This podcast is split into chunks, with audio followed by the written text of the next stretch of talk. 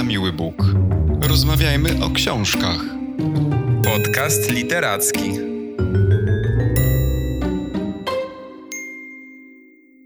Cześć, witajcie w kolejnym odcinku naszego podcastu.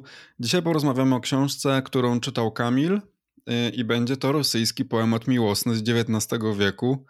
Ja od razu mam pytanie, Kamil, skąd taki wybór? Cześć. Cześć, cześć Maćku, cześć wszystkim. No, wybór nieoczywisty, kurczę, chyba się nikt nie spodziewał. Aleksander Puszkin jest autorem, e, czyli wielka postać rosyjskiej poezji. Mówi, mówi się, że to ikona wszechczasów, właśnie tej działki literatury w Rosji. Więc nie powinno też dziwić, że ten utwór trafił w końcu w moje ręce. A że doceniam bardzo klasykę i chcę ją czytać, chcę ją poznawać, bo widzę w tym duży potencjał też rozwoju mojego jako czytelnika, no to Eugeniusz Oniegin tydzień temu trafił w moje ręce.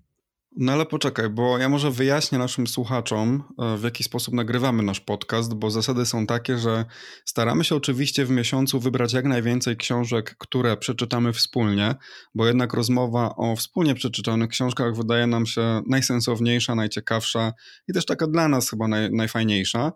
Natomiast wybór wspólnej lektury to jednak jest zawsze pewien kompromis, w związku z tym, żeby zachować jakąś taką czytelniczą wolność, albo przynajmniej jej pozory, mamy takie sloty na, na własne lektury i oczywiście możemy w ramach tych slotów wybrać cokolwiek, co można przeczytać i o tym podyskutować. To może być opowiadanie, powieść, w przypadku Kamila poemat. I wiem, że chcesz w tym roku czytać więcej klasyki, bo mówiłeś o tym przy odcinku podsumowującym ubiegły rok, ale wiesz, ze wszystkich książek na świecie, ze wszystkich klasycznych powieści, które wpłynęły na popkulturę, które wpłynęły też na współczesne powieści, na współczesną literaturę, wybrałeś akurat coś z XIX wieku. I przyznam, że jak zobaczyłem ten tytuł i sprawdziłem, co to jest, bo oczywiście autora znam, natomiast nie wiedziałem, że jest to poemat, mea culpa. Powiedz mi, jak to się w ogóle stało? Jaka była geneza tego, że trafiłeś na Eugeniusza Oniegina? To znaczy, tak jak powiedziałem, nazwisko Puszkina zagrało tutaj główną rolę. A dodatkowo wcześniej widziałem też film na podstawie książki, którego tytuł to po prostu Oniegin. I to jest film brytyjski e, z Ralphem Fiennesem i Liv Tyler z 99 roku. Okay. I, gdzieś, I gdzieś e, ta historia miłosna, niby romantyczna, ale jednak nie do końca, o czym jeszcze powiem, e, utkwiła mi w pamięci i później, kiedy oglądałem listę dzieł Puszkina, no to właśnie ten Oniegin rzucił mi się w oczy. No i tak ta książka do mnie trafiła. Możemy ją czytać e, dzięki portalowi Wolne Lektury i tam sobie zajrzałem i w przedmowie tłumacza Leo Belmonta, bo tam takie akurat wydanie się znajduje, jest takie zdanie zaraz gdzieś tam na początku, że według Mickiewicza e, Eugeniusz Oniegin to najpiękniejszy, najoryginalniejszy i najnarodowszy utwór Puszkina. Ty uważasz, że faktycznie czuć wybitność tego dzieła? Czy w ogóle współcześnie, współcześni czytelnicy mogą się zachwycać tym poematem? Czy tam, nie wiem, czy ta treść, czy język nie zestarzały się za bardzo? Myślę, że Wyjątkowość tego dzieła tkwi przede wszystkim e, w jego konstrukcji, w jego strukturze, która świadczy po prostu o wysokim kunszcie literackim autora. O tym też powiem zaraz przy okazji polskiego tłumaczenia, bo tutaj występuje tak zwane czternastowersowe strofy, którymi napisana jest cała ta książka, cały ten poemat. E, I to wymaga nie lada umiejętności, żeby cały poemat napisać w tym y, właśnie stylu, w, tej, w, ta, w, takiej konstrukcji. Co do samej historii, nie powiedziałbym, że ona mogłaby być jakoś wyjątkowo zadziwiająca dla współczesnych czytelników. Można nawet określić, że teraz byłaby dla nas po prostu banalną historią miłosną. Natomiast y, myślę, że wtedy mogła robić wrażenie. Mówiąc jeszcze o tłumaczeniu, które jest według mnie bardzo istotne w tym przypadku, tutaj wspomniałeś Leo Belmonta, który stworzył pierwsze polskie tłumaczenie już w 1902 roku. Natomiast y, dlaczego według mnie tłumaczenie akurat takiego dzieła jest bardzo istotne?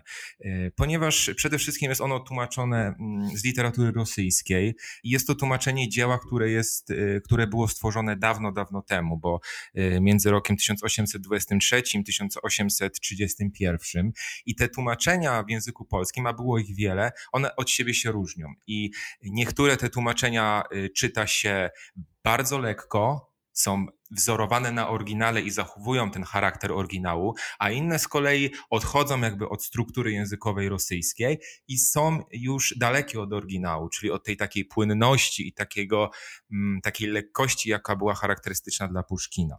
I chcę tutaj powiedzieć, że po II wojnie światowej powstały dwa takie najbardziej popularne tłumaczenia Eugeniusza Oniegina na język polski. Jednego dokonał Adam Warzyk, a drugiego prawie dokonał Julian Tuwim. Mówię prawie dlatego, że Julian Tuwim przetłumaczył trzy pierwsze rozdziały tej książki i z uwagi na to, że tak bardzo chciał on zachować oryginalny styl Puszkina, no to po prostu nie dał rady więcej. Y, skończył na tych trzech rozdziałach, y, co do dzisiaj jest uważane ogólnie za ikonę tłumaczenia tej książki w Polsce. Natomiast nie był w stanie dokończyć y, tłumaczenia z zachowaniem wierności oryginałowi całej książki. I o co w tym chodzi? Mm, przede wszystkim w zachowaniu tej czternastowersowej strofy, tak zwanej onieginowskiej strofy. I to jest taka strofa, która składa się z trzech czterowierszów. Te czterowiersze mają e, różne rymy, krzyżowe, przyległe, okalające i zakończone są e, dwuwierszem, który jest takim podsumowaniem danej strofy, często błyskotliwym, żartobliwym. I Czyli mamy jakby 3 razy 4 wiersz, czyli 3 razy 4, 12, plus te dwa wiersze na koniec każdej strofy y, podsumowujące. I Tuwim zachował w swoim tłumaczeniu właśnie ten pełen wdzięk i, i, i też lekkość stylu, konstrukcję i tą stylistykę, y, która była dziełem Puszkina. Y, I udało mu się też jakby zachować tak zwane rymy męskie, które są bardzo popularne albo równoważne z rymami żeńskimi w literaturze w języku rosyjskim, a które są bardzo rzadko występujące w języku polskim. U nas występują przede wszystkim rymy żeńskie, y, a małe z tych męskich, więc bardzo karkołomnym zadaniem dla Tuwima było jakby przetłumaczenie i zachowanie y, tych elementów y, języka rosyjskiego i znalezienie go w języku polskim. No i Pewnie dlatego też przetłumaczył on tylko trzy pierwsze rozdziały. W tym samym czasie, kiedy Tuwim tłumaczył e, Oniegina, e, robił to też Adam Warzyk, który już w swoim tłumaczeniu rezygnował z części występujących w niej rymów męskich, z innych też jakby konstrukcyjnych elementów tego poematu, no ale udało mu się przetłumaczyć całą książkę, ale uważana jest ona już za daleką od oryginału, już nie ma tam tego artystycznego efektu, który był u Oniegina. Natomiast na rynku y, dla wszystkich tych, którzy zastanawiają się może, czy gdzieś można znaleźć to tłumaczenie Tuwima, otóż można. Są wydania, część książki jest tłumaczona przez Tuwima, te pierwsze trzy rozdziały, a część przez Warzyka. I, I, jest to po prostu podwójne tłumaczenie y, w ramach jednej książki. Natomiast w ogóle w moje ręce trafiło jeszcze inne, najnowsze tłumaczenie Andrzeja Lewandowskiego, który jest ogólnie y, fanem tłumaczenia Juliana Tuwima i jego tłumaczenie też jest lekkie i właśnie takie w stylu tuwimowskim. I tę książkę kto wydał? Wydało go wydawnictwo Aksjomat. To faktycznie brzmi jak bardzo karkołomna praca przełożenie tego typu książki, bo faktycznie o ile można przenieść dosyć łatwo fabułę bohaterów, całą historię, opowieść, o tyle forma, jeszcze mówimy tu o poemacie, praktycznie wydaje się nieprzekładalna. To jest niesamowite, że, że ktoś w ogóle podejmuje się tego typu zadania. A wracając do samej treści, bo o formie już trochę powiedziałeś, o czym ta książka właściwie jest? To jest tak zwany, Maćku, poemat dygresyjny, e, czyli mamy poemat, czyli taki dłuższy wierszowany utwór, a dygresyjny dlatego, że dla autora, który tworzy ten rodzaj poematu, cała historia, którą tworzy, jest tylko pretekstem do przedstawiania własnych e, myśli. I tak rzeczywiście w Eugeniuszu Onieginie jest, że czytamy sobie historię poszczególnych bohaterów. Tam będzie trójka głównych bohaterów, o których zaraz powiem. A zawsze w podsumowaniu słyszymy głos narratora, który w domyśle jest właśnie Aleksandrem Puszkinem. I tak jak wspomniałem wcześniej, jest to romans, ale wcale nie romantyczny, bo więcej tam jest takiego dziekciu niż jakichś y, miłosnych wzlotów.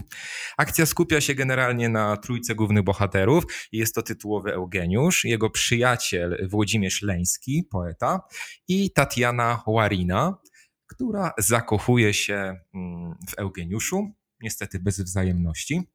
I Eugeniusz postrzega ją jako kobietę prowincjonalną, drwi z jej uczuć, drwi z jej emocji, które ona mu mówi prosto w twarz. Więc są to takie losy trochę dotyczące miłości, przyjaźni, uczciwości i wszystko to pozwala też Aleksandrowi Puszkinowi przedstawiać nieco bardziej uniwersalne problemy. Pokazuje na przykład społeczeństwo rosyjskie właśnie ze szczególnym uwzględnieniem tej szlachty, której przedstawicielem jest Eugeniusz Oniegin, jako zaściankowej, rozpieszczonej, przedstawia właśnie tego młodzieńca jako zepsutego, y, który pogardza społecznością prowincjonalną. I z drugiej strony też y, ta książka odwzorowuje takie y, rosyjskie życie w tamtym czasie.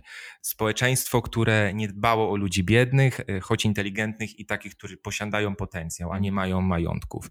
Także tutaj zawiera się całkiem spora i złożona analiza struktur społeczeństwa rosyjskiego i tej kastowości w tamtym czasie. Oprócz tej formy, nad którą moglibyśmy się zachwycać i tych takich elementów historycznych, bo jeżeli kogoś na przykład interesuje, jak wyglądała ówczesna Rosja i społeczeństwo, to rozumiem, że z tego poematu może się tego dowiedzieć, to czy taki współczesny czytelnik może wyciągnąć dla siebie coś o chociażby człowieku, wiesz, takie uniwersalne prawdy, czy tam znalazłeś coś dla siebie wartościowego? Myślę, że na mnie największe wrażenie zrobiła forma i generalnie obcowanie ze słowem, które zostało stworzone tak dawno temu w takim e, czasie. I to już jest doznanie artystyczne. Sama historia jest dla mnie dosyć powtarzalna. Ale może dlatego, że jest pewnego rodzaju pierwowzorem do wszystkiego tego, co powstało później. A filmów o zranionych kobietach e, i nieodzajemnionej miłości, czy książek na ten temat czytałem bardzo wiele, dlatego ta historia nie wzbudza we mnie jakiegoś większego zaskoczenia. Natomiast właśnie czytając klasyczny utwór, często przekonujemy się o tym, że właśnie w nim może po raz pierwszy została podniesiona dana kwestia i to jest yy, wyjątkowe. Nie? No tak, ten poemat też to chyba jak taki typowy właśnie, typowa historia romantyzmu, tak, bo Puszkin przecież był jednym z najwybitniejszych przedstawicieli romantyzmu rosyjskiego, no to zakładam, że był tam jakiś pojedynek, nieszczęśliwa miłość, odrzucona, Klasyka. Był pojedynek, był pojedynek w poemacie, ale co ciekawe, było to proroctwo dla Puszkina, ponieważ Puszkin y, zmarł w młodym wieku, nie dożywając chyba 40 lat właśnie ze względu na pojedynek, który stoczył z mężczyzną, który obraził jego żonę.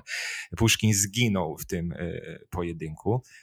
I jeden z jego bohaterów, w Eugeniuszu Onieginie, też właśnie w takim pojedynku ginie.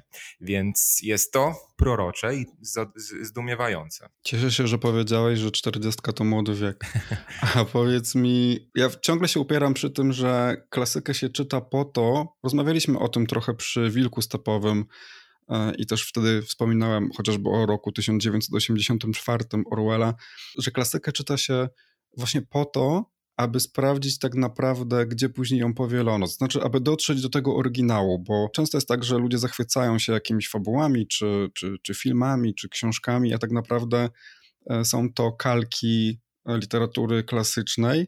Czy w Eugeniuszu Onieginie są jakieś wzorce i motywy, które e, zostały przeniesione do popkultury albo do współczesnych powieści? No tak już poza, poza tym wątkiem miłosnym? Generalnie trudno jest mi stwierdzić, czy pewnych kwestiach Eugeniusz Oniegin był poematem przedstawiającym jako pierwszy jakieś zagadnienie, jakieś zjawiska. Trudno jest mi to ocenić, ponieważ jakby klasowość e, i obyczajowe, gorsze traktowanie jednej grupy społecznej przez drugą trwa pewnie dużo dłużej niż początek XIX e, wieku. Y, natomiast gdzieś to na pewno taka, taka młodzieńcza ignorancja i młodzieńcza y, buńczuczność przedstawiona w tym poemacie musi być pewnego rodzaju nowum, w tym względzie, że takie rozpasanie obyczajowe, że tak to ujmę, na pewno nie było tematem wcześniejszych dzieł w jakimś takim szerszym y, kontekście, a tutaj to występuje i, i ta młodzież y, z warstwy szlacheckiej pokazywana jest w zdecydowanie negatywnym świetle. Więc być może ten motyw przeszedł do kolejnych dzieł, nowszych dzieł i był wzorcem i inspiracją dla innych. E, no ale już odchodząc jakby od, od, od, od, samego tego, czy te wątki są powielane w kolejnych dziełach, posłuchaj chociaż fragmentu tego wyjątkowego warsztatu. Biedny poeto, czy w wieczności doszły cię przez mogiły próg owe fatalne wiadomości, którymi byś się smucić mógł? Może gdy tam nad letą siadasz, już cię nie boli żadna zdrada, tam nie obchodzi cię nasz świat, a tu zaciera się twój ślad, bo tylko otchłań zapomnienia dla wszystkich nas gotuje grób, kochanka, przyjaciel czy wróg nie wspomną naszego imienia i tylko spadkobierców chór wieść będzie swój gorszący spór. Wspaniałe. Tak, taka to właśnie strofa czternastowierszowa. I tym optymistycznym akcentem, z pełnym przekonaniem i zachęceniem do czytania klasyki, dziękuję za dzisiejszą uwagę i zapraszamy za tydzień. To ja Tobie dziękuję, że opowiedziałeś o Eugeniuszu Onieginie. Raczej nie sięgnę, a za tydzień porozmawiamy dla równowagi o nowej książce z wybitnie popularnego nurtu. No i zobaczymy, co nam tym razem z tego wyjdzie. Do usłyszenia. Miły Bóg. Rozmawiajmy o książkach. Podcast literacki.